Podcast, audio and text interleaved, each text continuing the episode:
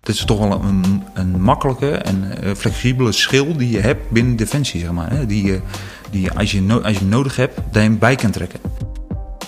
Als ze morgen bellen, dan ben ik er overmorgen van. Als jij reservist bent, dat doe je naast je huidige baan. En die baan is vaak al druk. Je hebt dan ook nog vaak een gezinsleven daarnaast. En toch weten mensen het op te brengen om dan alsnog ook nog bij Defensie in te zetten. En dan ook maximaal in. De Duitsers, die als oefenvijand hebben, die gaan er gewoon maximaal in. Ja, ja. Die gaan gewoon 100%. En dat is gewoon, uh, ja, die die kwam gewoon met bloedneuzen en blauwe ogen kwam uit de strijd, bij wijze van. Welkom bij mijn missie, de interviewserie van Landmacht FM. Ik ben kapitein Maarten Grendel. Nederland is in oorlog met IS. Dat riep premier Rutte in 2015. Sinds die tijd hebben Nederlandse militairen onafgebroken en op diverse manieren bijgedragen aan de strijd tegen deze terreurorganisatie. Ondanks dat het grondgebied waarop IS een kalifaat had gesticht weer zo goed als in handen is van de reguliere veiligheidstroepen, is de strijd nog niet gestreden. Ook vandaag nog zijn militairen dag en nacht bezig om de laatste terreurcellen op te sporen en uit te schakelen. Nederland draagt hier op dit moment aan bij door het opleiden en trainen van militairen en politieagenten in Irak en Afghanistan. En tot 2018 schakelden Nederlandse F-16's diverse doelen op de grond uit. Deze F-16's waren onderdeel van een internationale coalitie die opereerde vanaf een vliegveld in Jordanië. En hoewel Nederland op dit moment geen F-16's meer heeft ingezet, leveren nog wel een bijdrage aan de beveiliging van dit vliegveld. Want onder andere Belgische F-16's hebben die taak van ons overgenomen. En de beveiliging wordt op dit moment uitgevoerd door landmachters van de luchtmobiele brigade. En volgend jaar worden ze afgewisseld door mariniers. Objecten en gebieden beveiligen, indien nodig met geweld, is bij uitstek een taak voor dit soort goed getrainde infanterieeenheden. Maar wat weinig mensen weten is dat in 2018 deze taak ook een tijd is uitgevoerd door een peloton van de Nationale Reserve. Vandaag spreek ik met een van hen. Hallo Arend. Hallo. Welkom bij deze podcast. Mag ik jou vragen om jezelf voor te stellen? Ja, ik ben uh, Arend de Jong. Ik ben 34 jaar, ik ben getrouwd en ik heb twee kids. Uh, ik ben regulier, ben ik, uh, ja, ben een burger. En daarbij, daarbij ben ik uitvoerder binnen een klein GWW-bedrijf, grond, weg en waterbouw. met ongeveer 15 tot 17 man doe ik daar leiding geven. Daarnaast ben ik reservist als sergeant. ben ik groepscommandant. En ja, daar doe ik het opleiden en trainen van mijn collega's. En uh, ook het uitvoeren van diverse taken. Ja, want groepscommandant, sergeant bij de NATRES, is het een beetje vergelijkbaar met een uh, sergeantenfunctie bij de infanterie? Ja, dat is vergelijkbaar. Dat, wij hebben ook gewoon een groep van tien personen, die ook allemaal een functie hebben in hun groep. En daar geef ik leiding aan. En dat is een onderdeel van een peloton die onder leiding van een luitenant. Ja, en dat zijn allemaal mensen die dat uh, parttime doen. Ja. Uh, hoe vaak uh, komen jullie bij elkaar om bijvoorbeeld te trainen? Of, Ja, het is gemiddeld ongeveer twee avonden in de maand en een, en een weekend in de maand. Het is alleen wel, dat is eigenlijk over het hele jaar genomen. En vaak zijn wij in het najaar en in het voorjaar wat drukker ermee. In de zomer doen we wat rustiger aan. En dat komt vanwege de vakantieperiodes. Dus je hebt soms maanden dat je gewoon vier, vier keer opkomt in de maand. En het is ook uh, net hoeveel steunverleningen dat je doet. Dus dat is naast de gevraagde training en opleiding... Mm -hmm. worden wij heel veel gevraagd voor steunverleningen. Kun je eigen voor opgeven. Sommige mensen die hebben heel veel vrije dagen, zoals ik. Ja. Uh, en uh, ja, die, die, die gaan meerdere uitdagingen aan. Dus die, die reageren op die uitvraag. En ja. die gaan mee op... nou, uitzending bijvoorbeeld. Ja, ja, want de meeste, je hebt het over steunverleningen. De meeste contacten met de NATRES die ik zelf heb, is uh, tijdens oefeningen. Waar ze vaak worden ingezet voor beveiliging van bijvoorbeeld een commandopost of een andere locatie. Um, maar um, wat is jullie uh, organieke taak? Is dat ook echt alleen het bewaken van statische objecten of hebben jullie een bredere taak? Ja, onze, onze taak is het bewaken en beveiligen van vitale objecten in, in crisissituaties in Nederland. Uh, daarbij uh, zijn we de laatste periode zijn we bezig met uh, terrorisme in Nederland. Dat is om civiele autoriteiten te onder, ondersteunen. Zodra dat er een terroristische aanslag wordt gepleegd, dan worden wij gevraagd om civiele eenheden te ondersteunen. En daar zijn wij nu de laatste twee, drie jaar heel druk mee doende om current te worden. Want wij zijn ook recent van reservecapaciteit naar basiscapaciteit in mm -hmm. dat geval gegaan. Uh, ja, dat is natuurlijk heel erg interessant. Uh, alleen het is best wel een behoorlijke last. En Ja. dat vraagt best wel wat van, eh, van de reservist. Ehm, ik denk wel dat, eh, dat wij dat heel goed kunnen. Omdat eh, wij zijn eigenlijk de chameleon in de eh eh, binnendefensie. Wij kunnen eigenlijk alle kleuren wel aan. Waarom? Dat is, wij hebben allerlei soorten mensen hebben, eh, bij ons lopen. De ene is timmerman, de andere is. Eh, we hebben advocaten, maar we hebben ook eh, een loodgieter. eh, om, om de diversiteit aan te geven, zeg maar. Eh, en daardoor hebben wij best wel een breed perspectief. En ook eh, kunnen we, zijn we best wel bereid om zeg maar, eh, eh, mee te kleuren. Ja, want de bewaking eh, in Nederland bij terroristische aanslagen, dan heb, ik het, heb je het over eh, ondersteuning aan de politie en de marechaussee. Juist. Ja, Ja, dat is natuurlijk eh, heel actueel. In, in België en Frankrijk zie je dat al jaren. Ehm, maar is dat iets wat, waarvan men recent pas dacht van dat kan de NATRES wel doen? Eh, nee, dat speelt al eh, wel eh, veel langer. Alleen dat is natuurlijk een heel traject waar, je, waar, waar dat je in zit. Het, is, het heeft natuurlijk wel met de gebeurtenissen die in de wereld...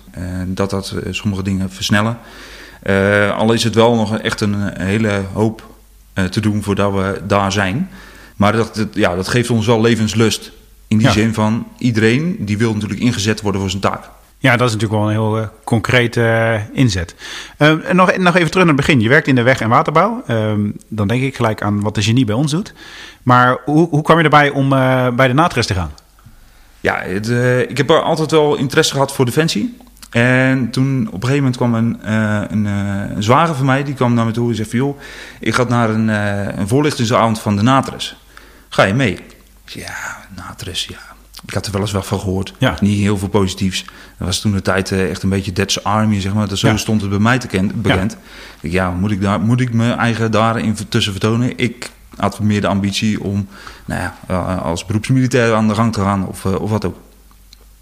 Maar goed, eh, hij nog een keer vragen. Ik zie hoe ik ga mee.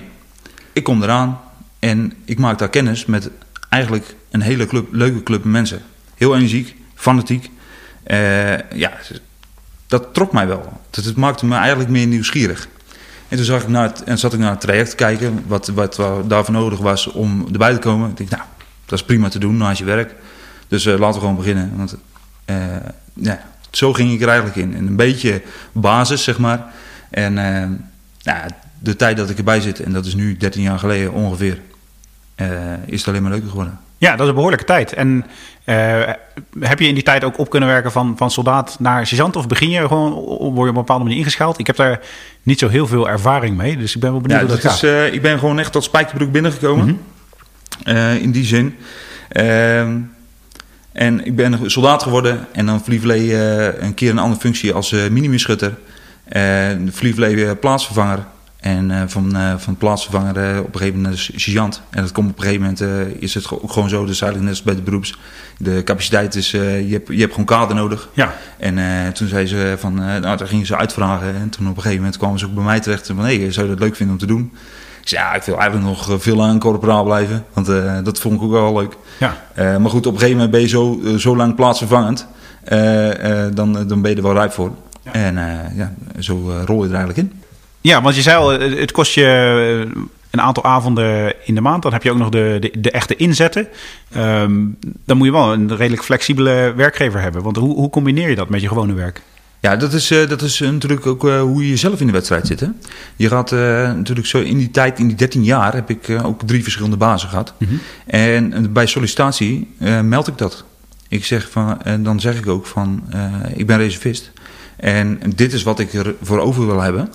En al is het zo, eh, binnen de weg- en waterbouw hebben wij eh 40 vrije dagen. Dus dat is best behoorlijk. Dus die, ik heb minimaal de helft zet ik eh, elk jaar wel in voor, eh, voor Defensie. Ja, Dus eh, en voor opleiding en training en of steunverleningen. Ja, ik bedoel, eh, je gaat eh, wat moois doen. Je leert er wat van. ja. Ehm, en als ik kijk naar mijn huidige werk, ik ben nu uitvoerder geworden sinds anderhalf jaar.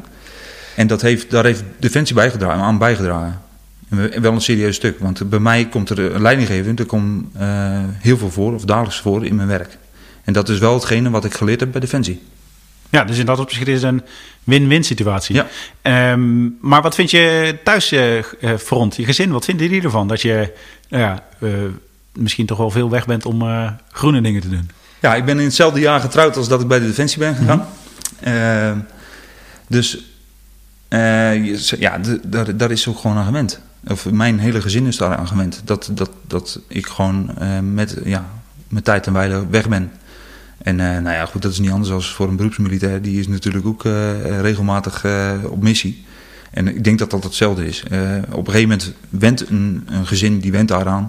En ja, het is ook wel weer leuk. Na twee weken of na een maand, dan heb je ook weer wat te vertellen aan elkaar. Ja, nou dat zeker. En nou ja, als je elkaar daarin steunt, is dat alleen maar mooi natuurlijk. Zo is het. Ehm, dan nog even naar die, eh, de, uitzending. Hoe, hoe ging dat? Hoe, hoe kwam die, eh, dat verzoek binnen? Of eh, hoe is dat aangelopen? Want eh, ja, kijk, een oefening dat gaat via een regulier steunverleningstraject. en dan weet je normaal gesproken redelijk op tijd van tevoren...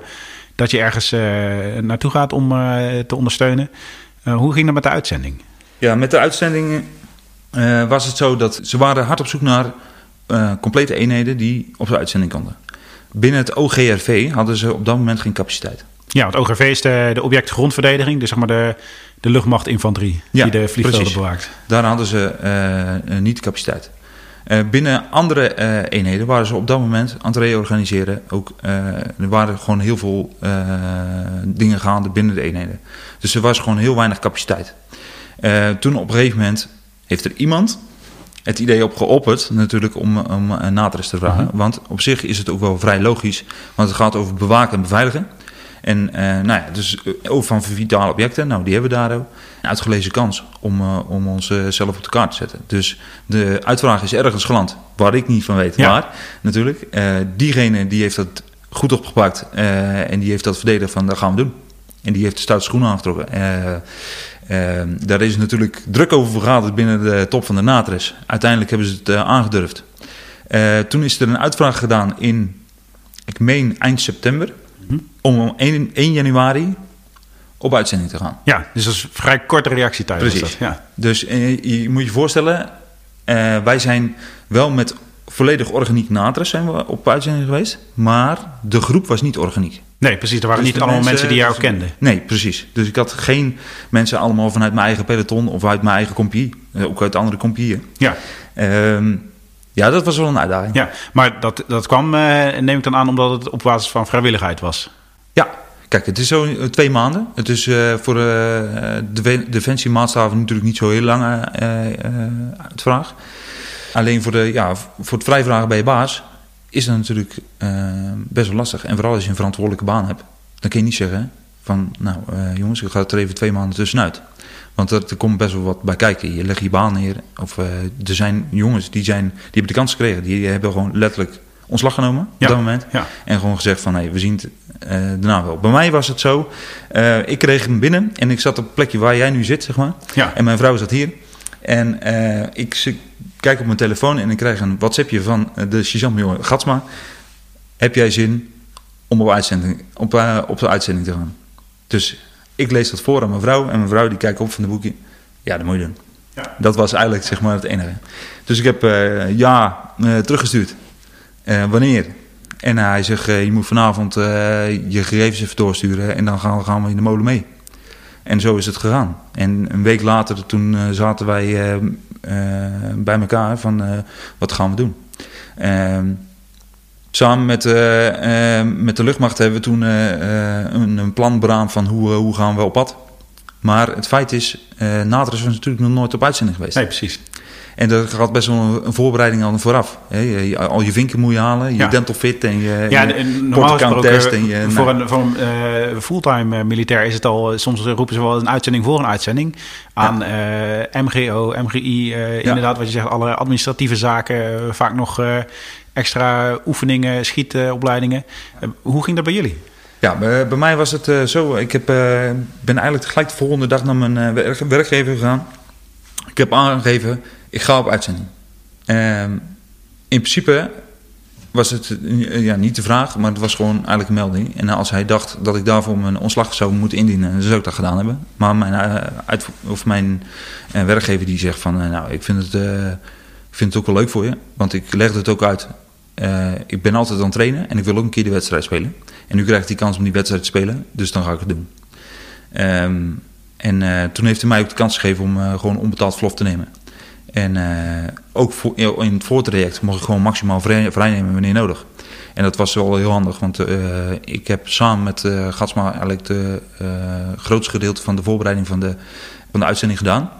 En uh, dat ging echt van, van, van de kleinste praktische dingen, echt een spulletje brengen naar, het, naar een vliegveld, tot kisten ophalen bij de luchtmacht, uh, contact maken met de luchtmacht, van hey, met wie gaan we op uitzending, ja. wat wordt er daadwerkelijk van, van, verwacht. Maar ook hele kleine dingen van hey, hoe werkt het nou eigenlijk op zo'n vliegveld? Hoe, hoe, hoe gaan we daar bewaken en beveiligen? Wat mag wel, wat mag niet? Hoe moet ik mijn mensen instrueren?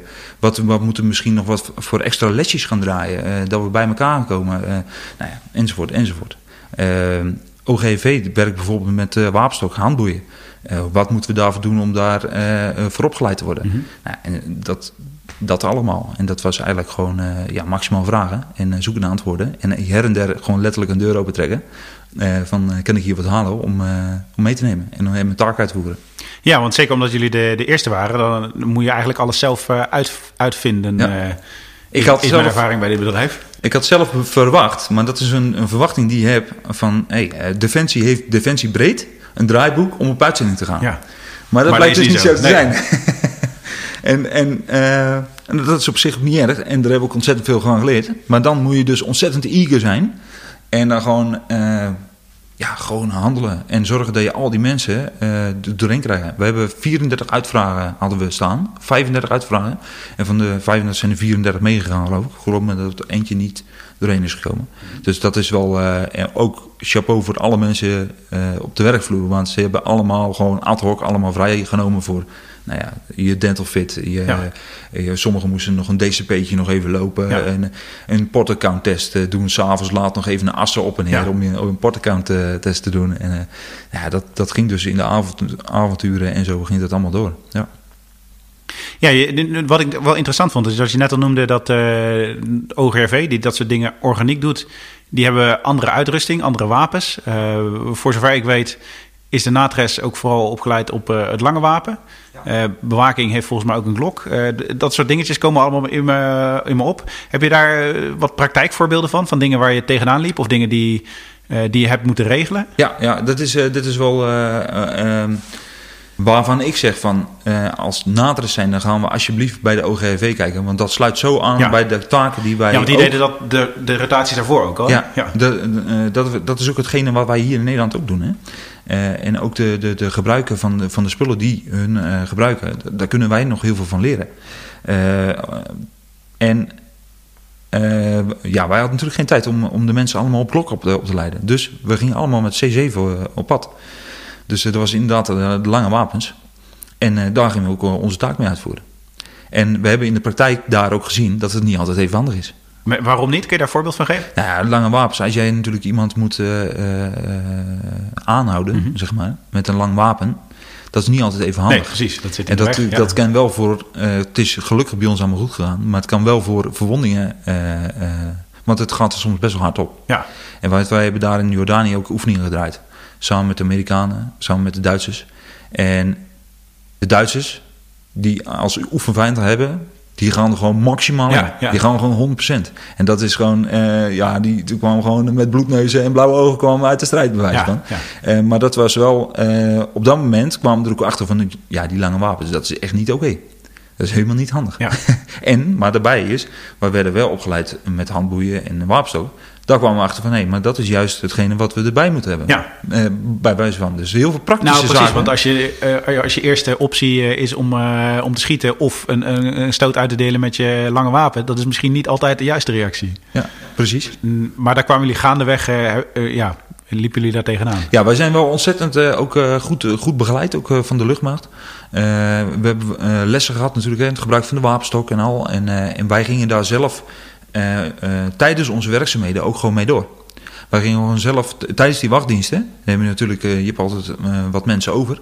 En dan in de vrije momentjes gingen we die, die oefeningetjes dooroefenen. Ja. Zodat je wel in ieder geval beslagen ten ijs kwam, zeg maar. Ja. Nou ja, gelukkig hebben we geen geweld hoeven te gebruiken in, in de praktijk daar. Ehm, Maar dat was wel aanwezig natuurlijk. Ja. Wie bent daar niet voor, eh, eh, voor zweetvoeten? Ja, nee, precies. En, en normaal gesproken eh, in de voorbereiding van de missie krijg je ook altijd les over, over het land waar je naartoe gaat, de cultuur, dingen die misschien anders zijn dan in Nederland. Ja. He- hebben jullie daar van tevoren ook de Ja. tijd voor gehad? Ja, MGO's hebben wij gevolgd. Ja, En, en wisten jullie ook nou ja, waar jullie in terecht zouden komen? Ja, ja zeker wel. Die, die MGO's die waren wel heel, eh, heel goed. Eh, ja, die informatie die kwam wel heel, eh, heel goed door. En dat, was ook, dat, dat zijn natuurlijk een van, de, een van de vinkjes die je moet halen om op uitzending te mogen. En dat is, dat is heel goed. Want dat geeft je wel enigszins basis. Want je moet wel een klein beetje weten hoe die cultuur in elkaar zit. Want wij hadden ook met heel veel mensen te maken, met Jordanen te maken. Want die werkten daar ook op het kamp. Dus en wij moesten dan eh, elke, elke twee weken kwam er een nieuwe ploeg voor de, voor de housekeeping en voor de keuken. En, eh, nou ja, en eh, wij moesten die mensen ook allemaal controleren. En de, de- ja, dan is het wel handig als je weet wat de gebruiken zijn in zo'n land. Ja, en precies. hoe, te Ja. communiceren met. Ja. En, eh, nou, Ja, dat is vaak toch net even anders in Nederland. Ehm, je, je zei al, van tevoren eh, kende je niet eh, alle mensen waarmee je op uitzending ging. Het was een, een samengesteld peloton uit, uit verschillende NATRES-clubs. ja, klopt. Ehm, en hoe, hoe was dat? Eh, hoe he- zijn jullie, eh, hebben jullie kennis met elkaar kunnen maken? Of was het gewoon van, oké, dit zijn de mensen waarmee je op uitzending gaat en eh, succes? Eh, ja, zo. Eigenlijk bijna wel. Wij hebben een, eh, een, een kennismakingsavond gehad, hebben we vooraf. En we hebben natuurlijk MG, MGO's hebben we gevolgd. Eh, en in die zin kun je, zeg maar, als mens konden we elkaar natuurlijk leren kennen. Maar in het functioneren, dat was echt gewoon stand vrij hand. Ja. Daar kwamen we daarachter. Eh al is dat wel, ik heb er nooit aan getwijfeld of dat goed, eh, goed zou komen. Waarom? Ik heb daar eh, in die twaalf jaar daarvoor heb ik al zoveel oefeningen gedraaid. eh, ook met eh, luchtmobiel en, eh, en met de 43ste. eh, dat wij eh, op eh, steunverlening naar Duitsland, Goes Altmark en eh, naar naar de eh, Wildvlekken zijn we een aantal keren geweest. Eh, ik ben naar eh, eh, Polen ben geweest. Eh, en dat zijn ook allemaal van die samengestelde groepen. En dat eigenlijk op dat moment, wij zijn daar wel gewend om op dat moment samen te smelten. Ja. En dan is het gewoon, oké, gewoon functioneel kijken. Jij bent commandant, jij bent plaatsvervanger, jij bent chauffeur. En iedereen houdt gewoon zijn oren en ogen open. Niemand zit te slapen. Want iedereen is gewoon maximaal gemotiveerd. En dan kun je ook maximaal kleuren. En dan kun je ook gewoon in hele korte tijd kun je gewoon een groep vormen. Ik heb eh, in mijn groep, ik, ik heb een fantastische groep gehad. Echt, want je hebt natuurlijk alle groepsprocessen, hè? Die, eh, die, Ja, eh, die maken wij Ja. natuurlijk ook mee. En dat hebben wij ook meegemaakt. Maar dat is, ik denk allemaal in best wel mindere, in mindere mate. Omdat eh, iedereen zo maximaal gemotiveerd is. En echt tot de laatste dag toe. Dat is echt, eh, ja. Ja, nee, dat is ook een beetje mijn, eh, mijn beeld van de NATRES. Dat het mensen zijn met hele verschillende achtergronden, maar wel allemaal gemotiveerd. En omdat ze natuurlijk ook ja, bewust vaak in hun vrije tijd daar, daar, daar tijd en ruimte voor maken om, om bij te dragen aan, aan de landmacht. Eh, maar je zei zelf al, van tevoren had je ook een beetje een beeld van een Dad's Army. Ehm, ik merk om me heen dat sommige mensen binnen de landmacht eh, dat beeld ook nog een beetje hebben. Eh, wat vind je ervan? Heb je daar wel eens last van gehad? Of, Nou ja, dat is een beetje het onbekende maakt onbemind. En dat, dat is dan, dan, dan ook hetgene. Want ik denk als je de mensen treft die met ons gewerkt, heb, eh, met ons gewerkt hebben en intensief met ons gewerkt hebben, dat ze er toch wel achter komen van hé, hey, eh, dit, is toch wel, eh, dit, is, dit zijn toch wel. Dit is toch wel een, een makkelijke en eh, flexibele schil die je hebt binnen Defensie, zeg maar. Hè? Die, die als, je als je hem nodig hebt, daar hem bij kan trekken. En waar, waar de handjes nodig zijn. En ja, vooral voor het bewaken en beveiligen. Daarmee haal je natuurlijk wel een basiscapaciteit bij Defensie weg. Waardoor je natuurlijk specialisme bij de mensen kan laten voor, voor wie dat ook bedoeld is, zeg maar. ja. Eh, Dat, dat denk ik. En, eh, en, en dat, ja, eh, ik kom ook nog wel eens mensen tegen die denken van, Natres, ja, die van, eh, ja, ik heb gehoord dat. Ja, ja, dat klopt. Ik heb gehoord dat. Maar ja, dat, eh, ja, dat hou je toch altijd wel. Maar dat, maar dat denken we natuurlijk, eh, dat heb ik wel, dat is wel mooi. Hè? Want als je kijkt naar landmacht en luchtmacht, dan zei ze al van tevoren, hoorde ik ook in de wandeling, oeh, landmacht die met de luchtmacht op, Ja. op uitzending ja, ook dat is Oei, iets andere oei, oei. cultuur soms. Ja. Dat is, was echt een cultuurshock. Dan, Ja. Jullie gaan het nog wel meemaken. Nou, ik moet je vertellen, ik vind de luchtmacht gewoon een geweldig team. En dat is gewoon een team vol met specialisten. Dus, en ja, die hebben wat andere normen en waarden, zeg maar. Dat, en dat, eh, dat is natuurlijk een stukje cultuur. En dat heb je natuurlijk ook bij de Natres. Wij hebben een andere, andere cultuur. Maar dat komt omdat wij, wij, zijn, wij komen ergens anders vandaan. En uh, dat maakt het onbekend en dus onbemind. Ja.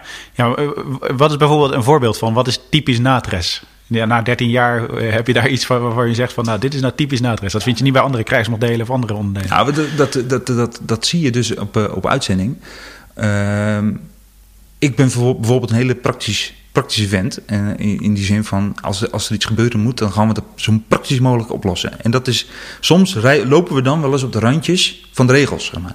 maar omdat het een uitzending is, Hè? Er moet een oorlog gewonnen worden, bewijzen van. Dus uh, wij gaan zorgen dat het, dat het ergens tussen de lijnen wel kan. Zeg maar.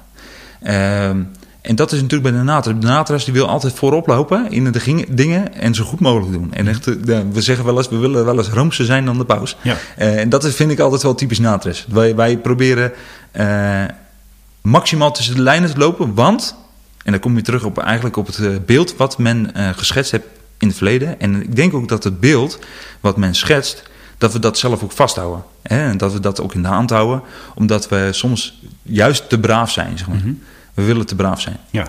En uh, ik denk dat we als wij uh, ons juist praktisch opstellen, dan gaan we iets meer op de randjes lopen, maar dan, dan gaan we nog meer boven ons kunnen uitstijgen. Ja, ja, dat is een mooie. Dat, uh, het, het mooie is dat je dat bij de landmacht ook wel steeds meer hoort. Want ja, vroeger was het uh, de, can-do-mentaliteit. Maar uh, zelfs de CDS heeft dat volgens mij recent geroepen. Dat hij wil dat die mindset die mensen hebben van uitzendingen... van, nou ja, in ieder geval op een zo goed mogelijke manier... een bepaald doel halen en daarbij niet altijd ja, alles volgens de regeltjes en de bureaucratie doen. Dat we dat misschien wat meer ook mee moeten nemen naar de dagelijkse praktijk. Dus het is mooi dat, dat het bij de NATRES ook zo, zoiets leeft. Precies. Um, nou, op een gegeven moment waren jullie uh, zo goed als mogelijk voorbereid, uh, kan ik me voorstellen, binnen de beperkingen en de, ook de beperkte tijd die daarvoor was. En toen gingen jullie met z'n allen naar Jordanië. kun je me meenemen hoe dat eraan toe ging? Hoe was jullie reis daar naartoe en hoe was jullie eerste indruk? Ja, onze, onze reis daar naartoe was in, in combinatie met de luchtmacht. En wij gingen gewoon met civiele vluchten gingen we, gingen we erheen. we vlogen via Amman. Uh, eerst naar Italië, toen naar, uh, uh, naar, via Rome naar Amman. En uiteindelijk in Amman werden we opge opgehaald met een bus. en toen werden wij naar Al-Zarak airport gebracht. Ehm, ja, en toen, ja, toen kom je daar. Dat, dat is wel, wel apart. Want inderdaad, je komt in Jordanië aan op, op, op het vliegveld. En dan, dan heb je het gevoel van een, van een vakantie, zeg maar. En zodra dat je zeg maar, met de bus aankomt in het kamp, dan heb je meer het gevoel van: oké, maar nu zijn we er dus van. Uh, de, die sfeer, en uh, dat is natuurlijk wel even wat anders. Zeg maar. Het is een zwaar beveiligde om, omgeving. Uh, en een omgeving die, die waren dan, deed ook alles en merk van: nee, uh, oké, het is ook, ook, niet voor niks dat we hier lopen. dus dat er gaat hoefde je de nadruk bij de mensen ook niet neer te leggen. Zeg maar. Nee, die, eh, die knop die ging vanzelf om. Want was er sprake van een uh, concrete dreiging? Nou, de, de, de dreiging die wij uh, vooral meekregen was uh, spionage. Dat is, dat is echt, die, die lag er ook hoog. drones, daar hadden we heel veel last van. Mm -hmm die kwamen er ook eh, regelmatig. Dus het was ook gewoon eh, onze taak om dat heel goed uh, te ondervangen van waar is een drone en wat voor een is het. En uh, in, nou, dan ga je communiceren met de Amerikanen en die sturen de eenheden op af om de dingen uit de, uit de lucht te, te vangen, zeg maar. dat was eigenlijk de grootste dreiging. wat, er, wat ook een dreiging was, en dat is misschien ook wel bekend, dat is het blue on blue. Zeg maar. Mhm. er zijn in het verleden zijn er meerdere gevallen geweest met Jordaanse militairen. Ja, ja, waarbij volgens mij uit mijn hoofd Amerikaanse militairen ook een keer ehm, ja, echt gewoon doodgeschoten zijn door een Jordaanse militair die aan de poort stond. Ja, ja en die, die, ehm, die spanningen, die voel je daar. Ja. En de spanning tussen, tussen de Amerikanen en de, en de Jordanen, die zijn gewoon aanwezig. Uh, of het terecht is of niet, uh, ja, dat is een beetje dat, dat gut feeling wat je hebt, zeg maar. dus maar ook wat, wat ik wel gewoon wekelijks met mijn mensen meegaf. Uh, en ook op dat moment, je bent altijd, want dat is natuurlijk het verschil ook. Of nee, ja, het is nooit geen verschil. Je bent er altijd van. Maar ik bedoel, daar stonden we. En toen zei ik van, hé hey jongens, de tijd van trainen is voorbij. Ja. Eh, nu zijn we ervan. Ja. En eh, als jij nu vannacht zeg maar, eh, de wacht draait, zeg maar, dan ben jij verantwoordelijk voor al die zieltjes die te slapen in Snow City. Het kamp waar wij sliepen.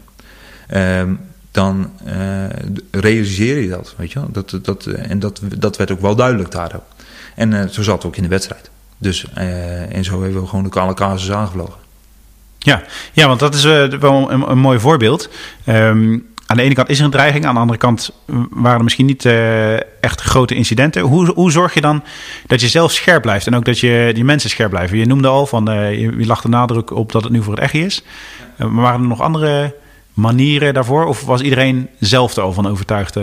Nou, dat sowieso. Hè. We, we hadden echt wel een eh, heel, eh, heel mooi gemotiveerd team. Maar je moet wel zorgen dat je structuren biedt in, in, in de dag. Dan we niet gaan landrelevanten. We- Ik ging met mijn groep, gingen we, tijdens bepaalde diensten, gingen wij verplicht sporten met elkaar. Ehm, zodat je echt wel structuren hebt. Eh, ehm, ja, ontspanning op zijn tijd. Eh, zorgen dat, dat wij, wat wij hadden gedaan in de wachtschema's, wij draaiden om de drie dagen draaiden we schema door.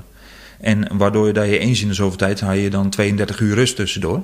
En waardoor je wat langer, dan kon je naar de Amerikaanse kamp toe. Eh, dus eh, we probeerden ook te- heel veel te connecten met Amerikanen en met de Duitsers. Eh, de- ook door heel veel te zien en heel veel netwer te netwerken, zeg maar, daar ook.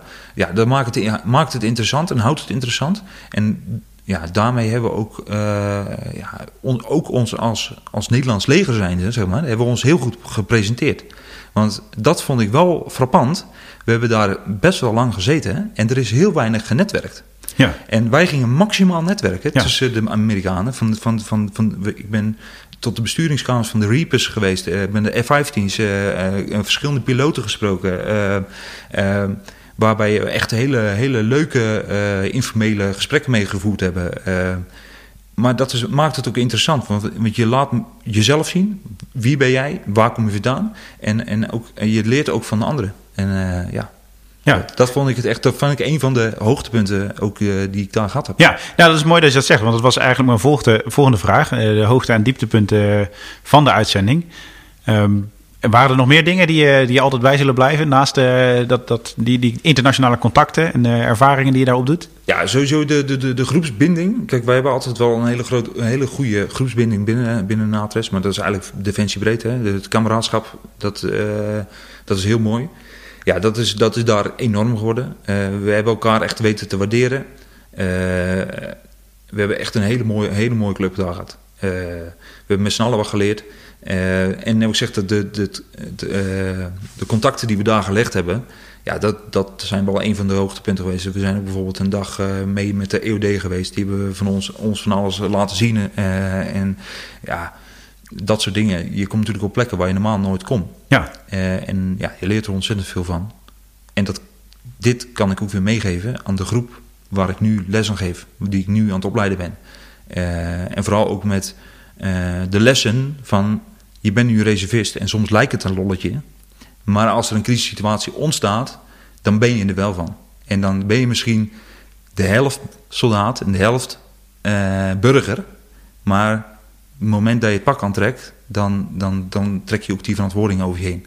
En dat, is, dat, is, eh, ja, dat vind ik mooi om aan mijn mensen mee te geven. Ja. ja want uiteindelijk eh, maakt zo'n missie eh, ook wel een betere militair. En dat geldt natuurlijk voor eh, fulltime militairen, maar zeker ook voor NATRES. Dus in, in dat opzicht is het ook een win-win situatie voor de organisatie, denk ik.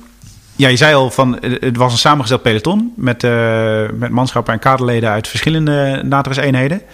Ehm, maar hadden jullie ook een, eh, een pelotonscommandant of een, eh, een, een pelotonskader daarop zitten van de NATRES? Nee, niet van de Natres. Dat was echt, eh, we hadden een, eh, een, eh, een mentor van, van de Natres erbij. Dat was een sergeant-major. Of een opper, als ik het moet goed zeggen. Ehm, en voor de rest was het, de luitenant was van de luchtmacht. En nog een sergeant-major van de luchtmacht. Want die waren van de OGRV, denk Die ik? waren van de OGV, ja. ja. En die gaf ook direct leiding op dat moment. Aan, aan de groepen die we toen hadden. Dat dat was voor hun denk ik ook wel eh, even schakelen van... ja, eh, hun, hun zijn een heel andere manier van optreden. Hè? Kijk, wij, wij treden op als groep zijnde. En bij de OGFV zijn ze veel meer als individu uh, treden ze op. Dus ze hebben natuurlijk ook hondengeleiders mm en zo. Dus die werken al, dat is al een setje op zich. Um, dat deden wij in combinatie met de Amerikanen.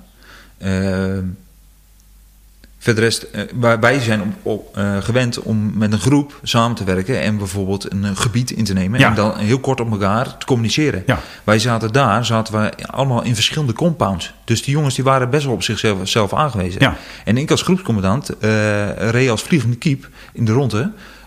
en overal de feedback geven, zeg maar, die ze nodig hadden. Ja. Nou, dat was in de eerste week natuurlijk heel druk. op een gegeven moment ging dat lopen. En die jongens pakten wel hun eigen verantwoording op.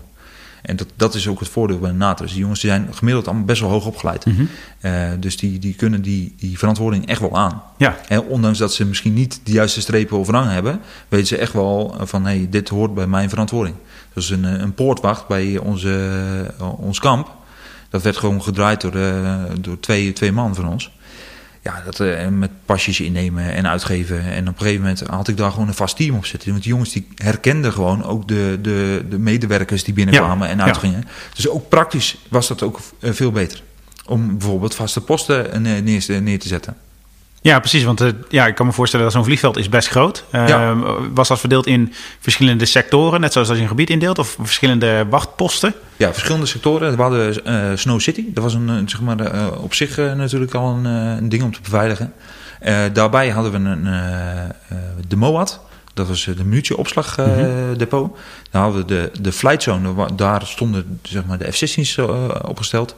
Die gingen overigens de eerste week dat wij er waren gelijk weg. Want het was natuurlijk een redeployment. Ja, dat was de redeployment. Ja. En uiteindelijk hadden we ook nog de OPS. En de OPS, daar, daarvanuit werd de, de gevechtsleiding gegeven. Ja. Uh, en uh, dat ging als eerste ging er weg. En Vlievlee werd die missie steeds kleiner. Want het werd natuurlijk afgebroken en er werd mm -hmm. steeds kleiner. Dus in het begin gingen er na twee weken of na drie weken... gingen de eerste mensen van ons al weg. Dus ook de groep die daar was, die kromp uh, naar een bepaalde capaciteit. Mm -hmm. Dus na een maand gingen er een aantal weg. En op een gegeven moment bleven wij met twee groepen over. Zodoende bleven we dus ook over met twee sergeanten. En de luitenant van de, van de luchtmacht. Ja. En uh, zo hebben we tot het einde gedraaid. En de, in de laatste dagen hebben we het overgedragen naar de Duitsers. En die hebben onze beveiliging overgenomen. En toen zijn we naar huis gegaan. Ja, dat is ook wel een interessante. Want normaal gesproken, als je als organieke eenheid op uitzending gaat... dan ja, uh, in de regel ga je als eenheid erin en ook als eenheid eruit. Na uh, een paar maanden, vier maanden, zes maanden... afhankelijk van hoe lang de uitzending duurt. Hier was het niet zo. Gingen sommige mensen eerder, uh, werd de groep steeds kleiner. Ja, klopt. Ja. Heb je het wel met z'n allen kunnen afsluiten of hoe ging dat? Um, nou ja, eigenlijk dan degene die echt twee maanden zijn gebleven, die zijn naar het adaptatieprogramma gegaan. Ja. Degene die tot 30 dagen er zijn geweest, die zijn gewoon gelijk uh, terug naar huis gegaan. Dat is op zich ook wel, uh, wel gek, kan ik ja, me voorstellen. Dat is heel vreemd. Ja. ja. Ja, want dit is telkens, ja, je wordt steeds kleiner. En eigenlijk, ja, je vindt al na een week ben je al een hele groep geworden, bij wijze van. En uh, ja, op een gegeven moment ging toen een volledige groep ging er natuurlijk uh, weg. Ja, ja, maar hoe, hoe maak je die keuze dan? Van oké, okay, jij mag na een maand weg, jij moet nog eens langer blijven? Op, ba op basis van functies. Nou, ik zeg, je hebt een aantal functies die we moesten invullen. Mhm. Mm -hmm.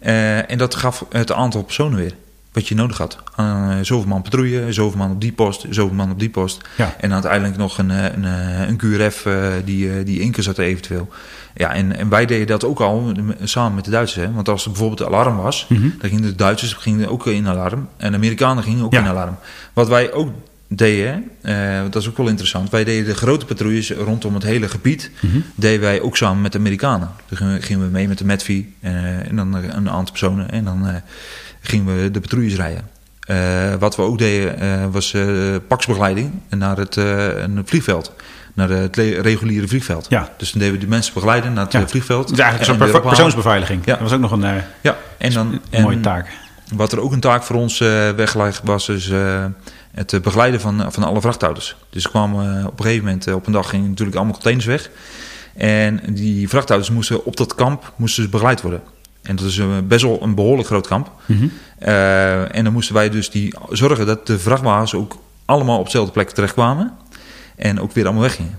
Want dat zijn ook allemaal Jordaanse boefjes. Die, Ja. die containers op komen halen en naar de haven rijden. En die moeten gewoon goed in de gaten houden. Ja. En uh, die gingen dan ook weer onder uh, begeleiding gingen ze naar de, naar de haven.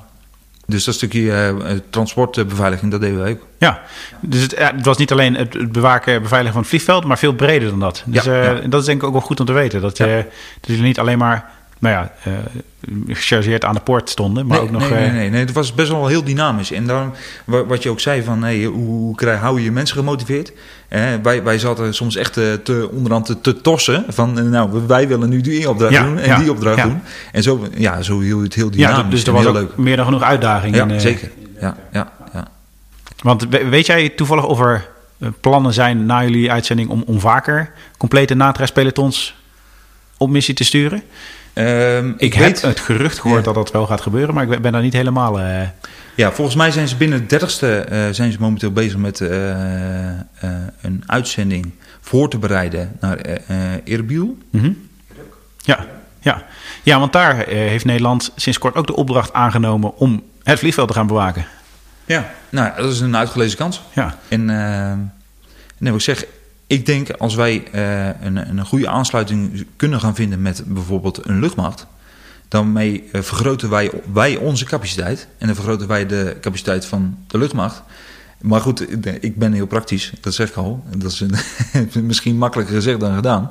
Uh, maar als wij een, een, basiscapaciteit weten te maken met een hele grote groep mensen die dat kunnen, ja, dan ben je veel multifunctioneler in de hele krijgsmacht. Ja. Dan ben je gewoon een, uh, ja, ja, ik denk ook dat, uh, dat de landmacht en, en Defensie als, als geheel daar ook niet meer aan ontkomt om die samenwerking op te zoeken. Want iedereen heeft het altijd over de, de adaptieve krijgsmacht. En we moeten ja, meer gebruik ja. maken van uh, capaciteit uit het bedrijfsleven. Maar ik denk juist voor dit soort operationele capaciteiten dat dat een uitgelezen kans is. En ik denk dat jullie inzet daar een heel mooi voorbeeld van is. Ja, en het is nu, nu draaien we natuurlijk heel veel werk wat de reservisten doen die, dat, dat draait op goodwill van de reservist zelf mm -hmm. en van de werkgever uh, van de reservist.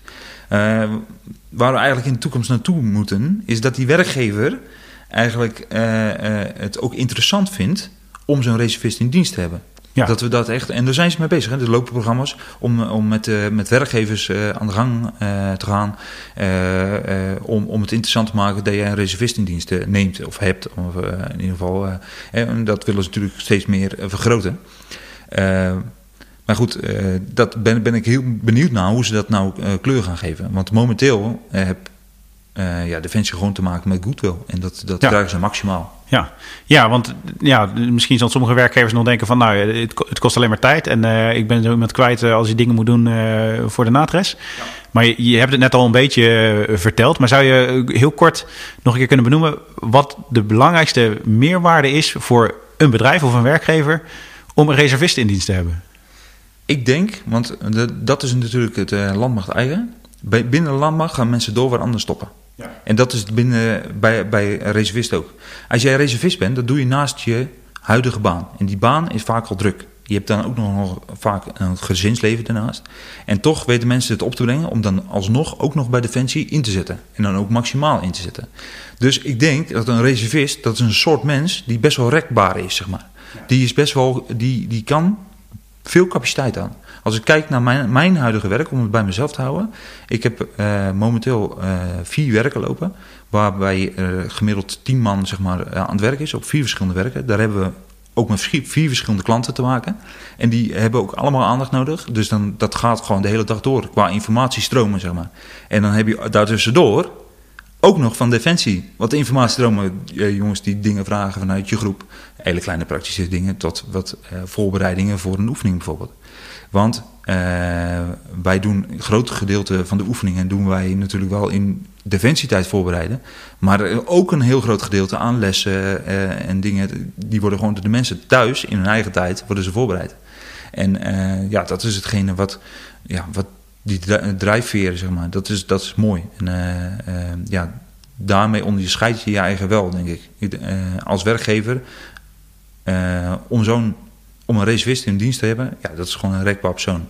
Die, die stopt niet zomaar bij het eerste uh, hobbeltje wat hij tegenkomt. Nee, die kan er echt wel overheen zien. Die kan wel tegen een tegenslagje. Ja. Die kan wel even, ja. uh, even doorbijten. Zo. Ja, dat zijn mensen die uh, ja. Ja, flexibel zijn, van, ja. van aanpakken weten. En, en, misschien ook juist wel de ervaring die ze bij de natres opdoen... ook weer goed kunnen toepassen in hun werk. Zoals bijvoorbeeld jij gaf het voorbeeld van leiding geven. Ja, zeker. Ja, dat is. eh, eh, ehm, ik, heb er, ik heb er ontzettend veel van. Eh, ook in de bedrijfsvoering. eh, ik pak heel veel defensievoorbeelden naar voren. Soms mijn baas, die, die, zie ik al wel eens kijken. Dan komt hij weer met zijn defensieverhaal. maar ja, dat, dat, daar ligt wel een stukje basis. En dat is wel eh, waar, ik, waar ik op terugpak. Ja. En als de kans zich voor zou doen in de toekomst, zou je dan nog een keer op uitzending willen? 100%. Als ze morgen bellen, dan ben ik er overmorgen van. Onwijs bedankt voor het luisteren. Mijn gast vandaag was sergeant Arend de Jong. Ben je fan van de show? Help ons dan door een review achter te laten op Apple Podcasts of Stitcher. En raad deze podcast aan bij familie, vrienden en collega's. En als er nou een onderwerp is waarvan je vindt dat we dat moeten behandelen, tweet dan met hashtag Mijn Missie of stuur ons een bericht op Facebook of Instagram. Mijn Missie is een productie van de Koninklijke Landmacht. Nieuwe afleveringen komen regelmatig online.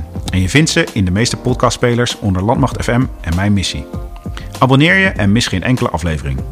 Je volgt de Koninklijke Landmacht via Twitter, Instagram, Facebook en YouTube. En op defensie.nl vind je het laatste nieuws rondom de krijgsmacht. Nogmaals bedankt voor het luisteren en tot de volgende aflevering.